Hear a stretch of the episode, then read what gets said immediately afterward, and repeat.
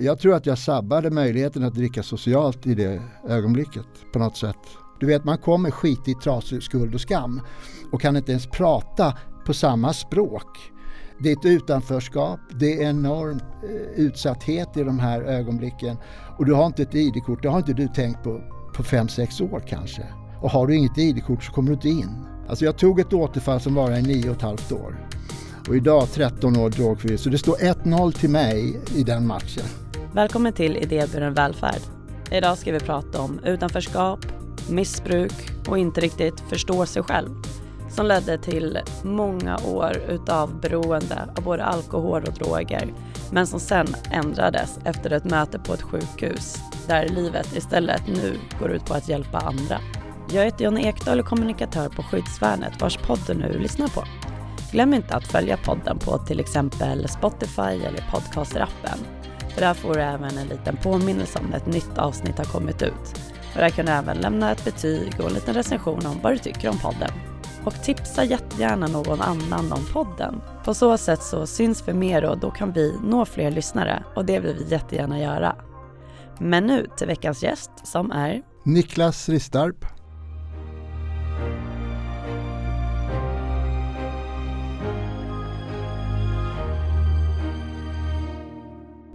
Välkommen hit! Ja tack, tack, tack. Eh, Hur mår du? Jo men jag mår väl bra då och eh, har gjort det nu de senaste 13 åren tack vare drogfrihet och nykterhet. Ja, precis. För att idag ska vi också prata om när du vände ditt liv från att vara i missbruk till att faktiskt idag också hjälpa andra. Men skulle du kunna summera i en mening eller något ord om vad du tänkte när du verkligen bestämde dig för att göra den här förändringen?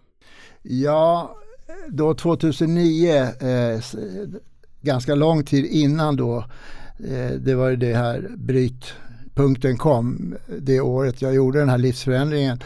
Eh, så hade jag en önskan eh, ganska lång tid innan som sagt och eh, det var att jag ville ha tillbaka mitt eget liv. Så kan jag sammanfatta det. Och eh, jag hade ju då eh, hamnat i eh, ganska besvärliga situationer. Jag hade liksom förlorat allting som jag hade byggt upp kanske under vad är det, 25-30 år kanske med stadigt arbete, en familj, två barn, ett hus, körkort och ja, en stabil, utåt sett stabil tillvaro. Det här livet som ja, de flesta strävar efter och det var väl det jag också gjorde då. Men någonstans där så fanns det någon slags, jag kan inte riktigt sätta fingret på det, men eh, man kan identifiera det som någon slags eh, inte vara, med, alltså inte någon tillhörighet. Jag känner mig utanför eh, i nästan alla situationer. Jag kämpar mot det i de flesta miljöerna hela tiden och hade gjort det i stort sett i hela mitt liv. Hur såg ditt första möte ut med alkohol och droger? Alltså jag var väl runt 12, 13, 11 kanske i, i den åldern någonstans när eh, mötet med alkohol. Alltså tobak hade jag ju det provade jag nog redan i tioårsåldern. Jag skulle vilja inflika med det också för det är ett beroende det med. Mm. Och eh, jag tror att den första berusningen, om man nu kallar det för det, var i kontakt med snus helt enkelt. Mm. Och då var jag nog inte mer än tio år. Och det var ett par äldre killar där i Sollentuna där jag bodde som bjöd på det och de var själva i 13-årsåldern kanske eller något sånt. Och det är ju vanligt att det är så. Och mm. jag varit ju jättesjuk, illamående och full som man säger. Det snurrade ju någonting helt sanslöst. Det var väl antagligen den första jag, gången jag påverkade hjärnan på det sättet med berusning. Eh, och sedan så gick det ju några år, jag tror det var någonstans mellan sexan och sjuan som alkohol kom in då. Då började man ju hänga med äldre personer av någon anledning, så var det så. Eh, och jag kommer särskilt ihåg en så kallad FF, föräldrafritt. Det var det vi sa om festerna som vi kunde ha då utan att föräldrar och vuxna var med. Mm. det var ju spännande på alla sätt. Va? Och då var det ju alkohol med och eh, jag var så stressad över det kommer jag ihåg, jag var det, alltså väldigt stressad över det. Jag hade blivit ihop med en tjej och sådär. Det var rätt nyligen, nyligen förälskelse och sådär. Så det var jättenervöst så här. Och, och eh, jag hade en, en flaska, helflaska silverrom som fanns. Jag vet inte om det finns kvar. Och jag hade väl druckit upp halva den innan festen började. Och när den började sen då låg jag i den här kompisens föräldrars säng och spydde och mådde jättedåligt. Jag missade hela festen. Alltså jag söp mig redlös första gången. Mm. Jag vill minnas att det var väldigt nervöst och, och, och sådär. Och det var väl eh, någonstans som sa att jag skulle lugna nerverna fast jag inte fattade det. Att det är ett mönster som mm. finns hos missbrukare många gånger.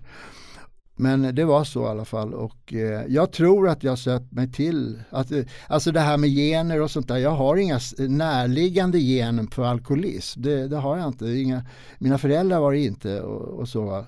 Men eh, jag tror att jag sabbade möjligheten att dricka socialt i det ögonblicket på något sätt. Hur var eh, drogon, eh, drogerna kom in?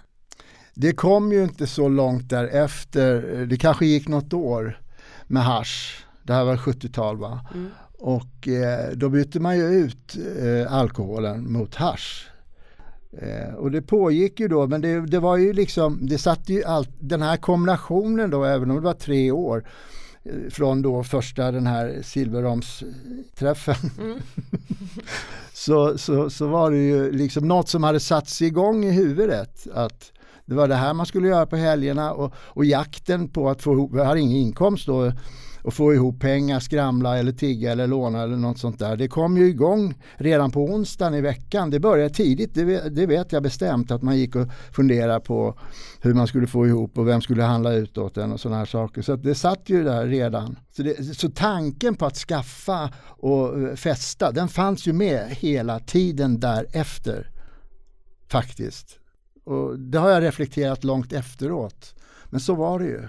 Hur, hur började det eskalera till att bli, för att, ja. Det, det kom ju ytterligare då, jag kan ju, jag skulle vilja kalla det för, det var ju när man började festa tre dagar i veckan. Och då hade jag ju fått inkomst och hade ett jobb och bodde ihop med en tjej eh, i fyra år. Och vi, gick vi hade samma musikintresse och gick på rockklubbar och, och sådär. Och det var ju sena nätter. Eh, och eh, det var, de hade ju, man gick ju på rockklubb tre, två till tre gånger i veckan. Och eh, då kom ju amfetamin in eh, mer och mer och eh, när det väl hade börjat så då gick det rätt fort. För då var det ju amfetamin man skulle ha. Man söp tills man inte orkade mer och sen så skulle man ju pigna till. Så att det blev ju en kombination eh, av det. Men sen tog ju amfetaminet över mer och mer och mer och sen började jag till slut injicera också och då var det ju då ville inte hon vara med mig längre och vi tog, det, det tog ju slut då helt enkelt. Mm. Hur kände du inför när, när det hände, det började injicera, förhållandet tog slut och det blev ja, mera droger än kanske bara fest mm. eh, på den nivån. Hur, hur mådde du då? Ja, alltså egentligen så mådde jag väl inte så bra men, men eh, det var ju liksom det som man fick en slags identitet och framförallt det här med eh, i och med att jag har en ADHD-diagnos, eh, det visste jag inte då, mm. så, så var det ju som en fullträff det kognitiva det föll på plats i huvudet och eh, det här med självkänslan och allt det där jag hade saknat utan att veta om det. Det kom som på posten liksom. Och eh, det var svårt att bryta det därför att eh, jag kände mig normal helt enkelt. Och det, ja, det fortsatte. Ja, det är klart jag var sorgsen över att det sprack mellan mig och flickvännen. Det var ju helt klart så. Och, men jag, jag, jag, reflekterade inte så mycket över det. Jag färgade och höll, höll masken helt enkelt. Jag levde ett dubbelliv. Jag jobbade och var anställd och jobbade i 17 år på samma arbetsplats medan det här pågick och blev värre och värre och värre. och, och, och eh, jag inbillar mig att ingen märkte och såg. Mm. Först de sista två åren. I efterhand, är det någon som har sagt att de visst märkte det eller? Nej, det tror jag inte. Eh, det, nej, det är ingen som, jag har ingen kontakt med någon av dem nu. Men Eh, utan det, det, som hände, det hände och eh, eh, då hade jag ju liksom klivit in i ett annat liv under den här perioden, efter, långt, långt senare efter den här första beskrivna eh, flickvännen då och startat om och jag hade beslutat mig för att hålla upp i sju år. Eller inte att det skulle vara sju år men att det blev i sju år när jag bildade familj. Då höll jag mig ifrån droger. Mm. Men jag drack ju på helgerna och sådär så det förföljde mig hela vägen kan man säga det här med att vilja någonting. På, mm. alltså. Så att efter när du bröt upp med den här tjejen, när du började injicera mm. och sen så träffade du en annan person mm. och startade familj och då slutade du med drogerna men fortsatte att festa ja, och så. Ja, fast i mindre skala mm. försökte vara då pappa och, och sköta den rollen och, och så. Men det var ju, alltså det här med utanförskapskänslan den, den, den låg ju där hela tiden som ett spöke på något sätt. Eh, det är svårt att förklara, jag förstår mer av det idag mm. i och med att jag har gjort en utredning. Men då förstod jag inte riktigt vad det handlade om. Eh, jag gick ju ofta och tänkte, vad är det för fel? på mig. Att du kände dig utanför fast du var med andra? Ja, i de flesta miljöerna. Jag, jag, jag kunde inte eh, liksom jag känner mig hela tiden utanför på något sätt. Det, det är, väl, ja, det, var, det är en konstig känsla eh, faktiskt. Det började med osäkerheten i skolan, sent utvecklad och inte hängde med på, på, på lektionerna och förstod kanske inte allting vad som sades och sådana här saker. Det, mycket av det, det hängde med liksom hela tiden. Och det var ju ADHD, det vet jag idag. Liksom. Men så, ja, det sprack ju det också då i slutet på 90-talet. Och så, vi hade levt ihop i nio år, jag fick två pojkar och eh, vid fem, deras femårsålder och sånt där så, så separerade vi. Och då hade jag spräckt allting, jag sa upp mig på jobbet och då hade jag tagit ett återfall. Kraftigt återfall direkt där och, och eh, då sa mina barns mamma att nu får det vara nog. Mm.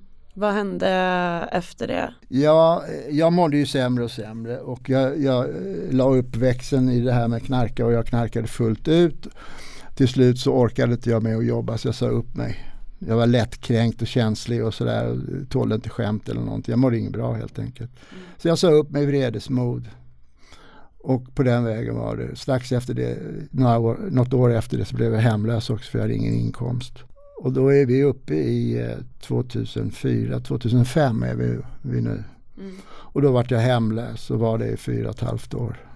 Hade du försökt eller funderat på att sluta under den här tiden eller var det bara att köra på? Det var nog mer så att det var bara att köra på och se vad som händer ungefär.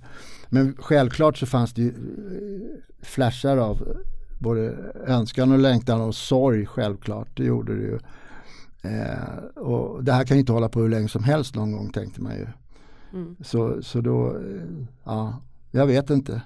Men eh, när man är mitt inne i det så, så tänker man inte mer än hit bort, ungefär lite längre än näsan. Och då, då det, det är lätt att avskärma och hålla sånt som är jobbigt borta hålla ifrån sig det liksom. Så, så, är det ju. Det är väl därför det fortsätter. En av orsakerna i alla fall. Mm. Istället för att ta itu med det som är problematiskt och, och, jobbigt, tungt, sorgen och sånt. Så flyr man på något sätt. Då. När du eh, bestämde dig då för att du skulle sluta mm. eller ändra, ändra livet, hur, hur gick det till? Ja, det, då 2009, det, det, var då jag hamnade på sjukhus. Eh, jag hade som sagt en, en eh, tanke innan jag hamnade på sjukhus. Men så när jag hamnade på sjukhus, då var jag väldigt, väldigt sjuk. Och låg på sjukhus i tre månader. Jag fick eh, penicillin injicerat via halsen rakt ner i hjärtmuskeln var fjärde timma i tre månader. Det var, eh, det var riktigt, riktigt tufft. Man sa att jag hade 30 30 procents chans att överleva. Eh, jag fattar inte det, jag fattar inte det riktigt idag heller. Men, men jag, jag, jag, jag fick tid till att fundera på det. Och eh, att det måste ju bli ett slut på det här. Och sen så under några veckors tid så kommer då får jag en, en kamrat som delar eh, sov, eller vad heter det, sjukhussal med mig. Och eh, han berättade, för, vi kände ju varandra lite lite grann sen tidigare, vi hade stött på varandra i olika sammanhang tidigare. Så, vi, så det var ju liksom, hej, tja, är du här? Så, så vi, eh, han började berätta för mig då om vad han hade för planer på framtiden. Han var också trött på droger och han berättade om en förening i Rågsved som heter Buskutörerna i Rågsved. Och så berättade han för mig hur de jobbade, vad det var för förening och eh, den här modellen då att man guidar sina deltagare till myndigheter och eh, in i samhället då. Och att det var för detta eh, aktiva eh, som hjälpte varandra, självhjälp då. Och den här modellen han beskrev för mig då om det här med vi tillämpar inte nolltolerans i vår verksamhet. Det betyder då att vi välkomnar alla oavsett om de är påverkade eller inte. Och då förstod jag det, lät, det hade alla hört talas om. Jag hade ju varit på några A och NA-möten och sådär och, och det var det ju genast sådär. Kom imorgon ungefär. Va? Men, men eh, här genom denna modell då så, så, förstod jag att här når man ju de svåraste som har svårt att, att bryta. Och den idén tyckte jag var så enormt bra så att den tanken tog jag med mig sen när jag blev utskriven på sjukhuset. Mm. När du var på uh, sjukhuset, kände du någon gång att ja, men du skulle vilja göra det igen eller var det liksom stopp där oavsett? Eh, alltså jag ville ju inte det, jag hade ont, jag hade väldigt ont i hela kroppen och jag var fruktansvärt svag, eh, alltså matt, eh, för jag var som sagt jättesjuk. Och, eh, så att, eh, tankar på att sticka och ta igen, börja om liksom. Det, det, hade jag inte vid det tillfället. Jag hade varit på sjukhus i ett par sammanhang något år tidigare och då hade jag gjort det. Vi, vi satt och väntade på en läkare i sju timmar, då orkade inte jag, då stack jag. Men, men nej, det hade jag inte. Eh, däremot så sa jag till då om att eh, jag påpekade, det måste vara något fel i huvudet på mig att man raserar. Jag fick, jag fick prata med en psykolog på sjukhuset så, eh, och eh, jag sa det måste vara något fel i huvudet på mig som, som sabbar mitt liv så här brutalt. Och eh, då, då, då nämnde hon, vi kanske skulle göra en ADHD-utredning på dig. Jag kommer inte ihåg att hon sa det, men hon måste ha sagt det. Så att i, i väntan på att jag skulle bli eh, friskare och så, så började hon och jag träffas de sista tre veckorna, fyra veckorna. Och sånt där. Så då påbörjade jag utredningen och då sa jag det till henne. Nu står rummet klart på Åkerbo städbordet i Sollentuna och det får inte finnas några glapp mellan vagnarna. För att jag vet inte vad som kan hända då. Så att det måste ligga ihop så här. Da, da, da, da, Så att eh, kedjan rullar på liksom. Mm det finns ju risk för återfall även mm. att det kan vara svårt, ja, men, som du sa, för att inte sluta men alltså att inte falla tillbaka. Mm. Hur stor del har musketörerna varit för det? Jag skulle vilja säga allting, allt. För att eh, eh, jag rusade in i det här eh, med idén om att bilda en förening i Sollentuna. Vi började samlas på det här och, och boendet, Åkerbo, en dag i veckan om det var tisdag eftermiddagar eller vad det var måndagar. Och vi blev fler och fler. Vi satt i det här köket som var allmänt för alla boende och vi blev 10-12 stycken. Och vi beslöt efter en tid hade gått att göra ett eh, studiebesök till eh, musketörerna i Rågsved och det gjorde vi. Och fick en väldig massa positiv input där och väl mottagna och det. Så när vi åkte där hem två timmar senare så var vi övertygade. En förening, Musketörerna i Sollentuna skulle vi bilda och då gjorde vi det. Och jag var ju så upptagen av det här, eh, nästan lite maniskt skulle jag vilja påstå, att det här med att jag skulle driva på. Dels var det ett löfte gentemot alla som hade varit med i, i den, eh, i den här sammanslutningen där från början om att vi skulle göra det och vi skulle göra det. Och vi, så hade jag gett mig själv ett löfte. Och några, svika fler löften i livet, det hade jag bestämt mig för i, det, i de här ögonblicken när det här började rulla på. Det skulle jag aldrig göra. Hur löd ditt löfte till dig själv? Nu håller du det här. Hör vad jag säger. Mm. Nej men ungefär så. Jag hade svikit så mycket runt i alla år med, med halvsanningar och lögner och, och svikna löften. Så nej, inget mer av det. Och här, du träffar personer då som du tidigare har levt med när du levde i missbruk och hemlöshet som kommer dit? Ja, så är det. Varje dag. Ja. Hur känns det att uh, Eh, av sina gamla vänner eller vänner på det sättet? Alltså när jag eh, började driva det här med föreningen, vi var ju några stycken men jag får ju oftast den stämpeln att det var jag som startade och sådär. Till viss del så kanske det är sant då, jo det är det väl. Jag drev på i alla fall. Jag hade ju en romantisk dröm för en av rädslorna jag hade då i det här eh, i början då, där vid 2009, så var ju en av rädslorna att bli ensam. Alltså fruktansvärt rädd för att hamna i, det var ju en av orsakerna till varför man tog återfall, ensamhet. Och jag hade ju en romantisk dröm om, i och med att jag kunde då starta en förening, där har vi ingen nolltolerans, då kunde mina gamla kompisar komma där och de är påverkade kanske, eh, det gör inte mig någonting, men vi kan ju umgås. Så tänkte jag, ungefär. Eh, så att det, det passade mig jättebra. Eh, och eh, sen har det ju senare visat sig att jag har förstått att jag har ju fått träna utmaningen med att se, se mina polare fortfarande påverkade eh, högt och lågt och, och, ändå inte falla för suget. Däremot så har jag ju tagit till mig utav förfallet. Alltså fortsättningsvis så har jag ju sett de har blivit av med sina bilar, vagnarna har blivit av med, de har blivit vräkta, vräkta, vräkta hela tiden. Och varje gång jag går hem efter jobbet så tänker jag, gud vad skönt att inte jag är med där längre på det sättet. Då går jag hem till min lägenhet. Så det ger mig feedback på det sättet. Och, ja, terapeutiskt sett så har det stärkt mig i mitt förhållande till aldrig mer liksom. Och det håller jag fast vid. Vad är det som du har idag, förutom att du idag inte är i ett eh, beroende? Hur ser ditt liv annorlunda ut idag? Ja, framförallt så är det ju det att jag har ju en fullständig kontroll över mitt liv. För det första. Eh, och jag njuter i stort sett varje dag att alla beslut jag tar de står jag för och det är sunda beslut. Och det, det, det är liksom, eh, ja det helar mig helt enkelt. Och det är liksom ha kontroll över sig och sitt liv, ta rätt beslut och sådana saker. Det krävs ju kanske träning för många och det krävdes träning för mig också att landa i det. Och eh, jag känner att jag, jag bygger upp det jag inte hade då, alltså självkänsla.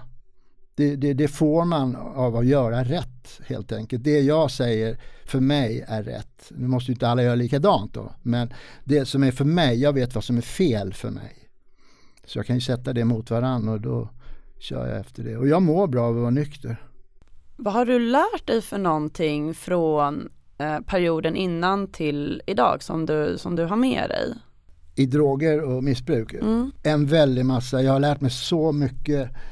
Eh, alltså det är så mycket. I och med att jag då har en själv en erfarenhet så kan jag ju sätta mig in i i tankar och beteenden hos andra som inte har kommit riktigt lika långt kanske och kan förstå resonemang, förstå beteenden och kan kanske översätta det utifrån mitt perspektiv och mitt jag idag och reflektera honom eller henne i deras nu, där de befinner sig och kan kommunicera på det sättet. Och, och det tror jag har väldigt stor nytta av eh, när jag, i mitt jobb då, som guide att jag förstår väldigt mycket om hur, hur, eh, hur de jobbar och sliter och har det jobbigt eh, på alla nivåer. Och sen har jag ju lärt mig enormt mycket utav systemen. Alltså vad är det som gör att eh, vi inte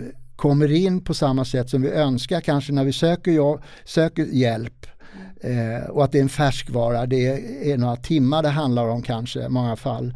Att eh, blir du motad, motad i dörren då eh, så kommer du inte tillbaka förrän som, ja, hur länge det nu kan vara. Och, och sådana här saker. Så roll, jag, förstår, jag förstår väldigt mycket av, av de här mekanismerna som funkar eller inte funkar och hur, hur, man reagerar mot systemen när man inte blir bemött på rätt sätt och förstådd på rätt sätt. Du vet man kommer skit i trasig skuld och skam och kan inte ens prata på samma språk. Eh, det är ett utanförskap, det är enorm eh, utsatthet i de här ögonblicken och du har inte ett ID-kort, det har inte du tänkt på på fem sex år kanske. Och har du inget ID-kort så kommer du inte in. Och det kan ju utlösa en väldig massa ja, negativa känslor. Och jag använder mig av alla de här erfarenheterna för att vända de här mötena. De första mötena är ju så oerhört viktiga för personer. Att de blir bemötta, de känner att de blir lyssnade på, förstådda och sånt där. Även om språket kanske inte är riktigt lika så är det väldigt viktigt att när man går därifrån och man känner i alla fall, men de verkar haja vad jag menar. Mm. Det är väldigt viktigt och det är det våra roller är, att se till att det blir ett bra möte. Men om du inte hade träffat den här äh, killen då, äh, på sjukhuset, vad tror du hade hänt då? Ja, det där har jag ju inte tänkt så himla djupt över men visst, då vet ingen vad som hade hänt. Inte jag. Och jag är glad för att Jocke kom. Eh, nej, jag, jag, vet inte alls. Alltså du vet, det här fick ju mig att hitta ett mål i livet att det här med föreningsliv, det var ju en sak jag kunde. Jag hade jobbat inom föreningsliv i många år och det var ett sätt för mig att liksom hugga tag i den där tampen och eh, föreningsliv, det kunde jag ju som sagt och så försöka via detta och denna tanke eh, få tillbaka mitt liv, ta tillbaka så mycket jag kunde. va. Mm. Och det gjorde jag ju. Så det, det, och utan, ja jag vågar, det, det vet fan vad som har hänt. Det, det vågar jag inte svara på. Mm. Åt helvete kanske. Ja. Jag var ju övertygad om att jag inte ville droga mer. Men alltså, det är ju så mycket som spelar roll. Jag gick ju där och väntade på att mina, när utredningen var klar så fick jag vänta tills mina mediciner skulle komma igång. Och jag började må dåligt lite grann för jag kände att det var ju semestertider va. Där 2009 då och jag fick igång mina mediciner i slutet på juli eller början på augusti och det hade ju gått ganska lång tid då tyckte jag. Och tålamodet började tryta och eh, så jag, jag fick ett, inga svar heller från myndigheterna eller från mot, beroendemottagningen.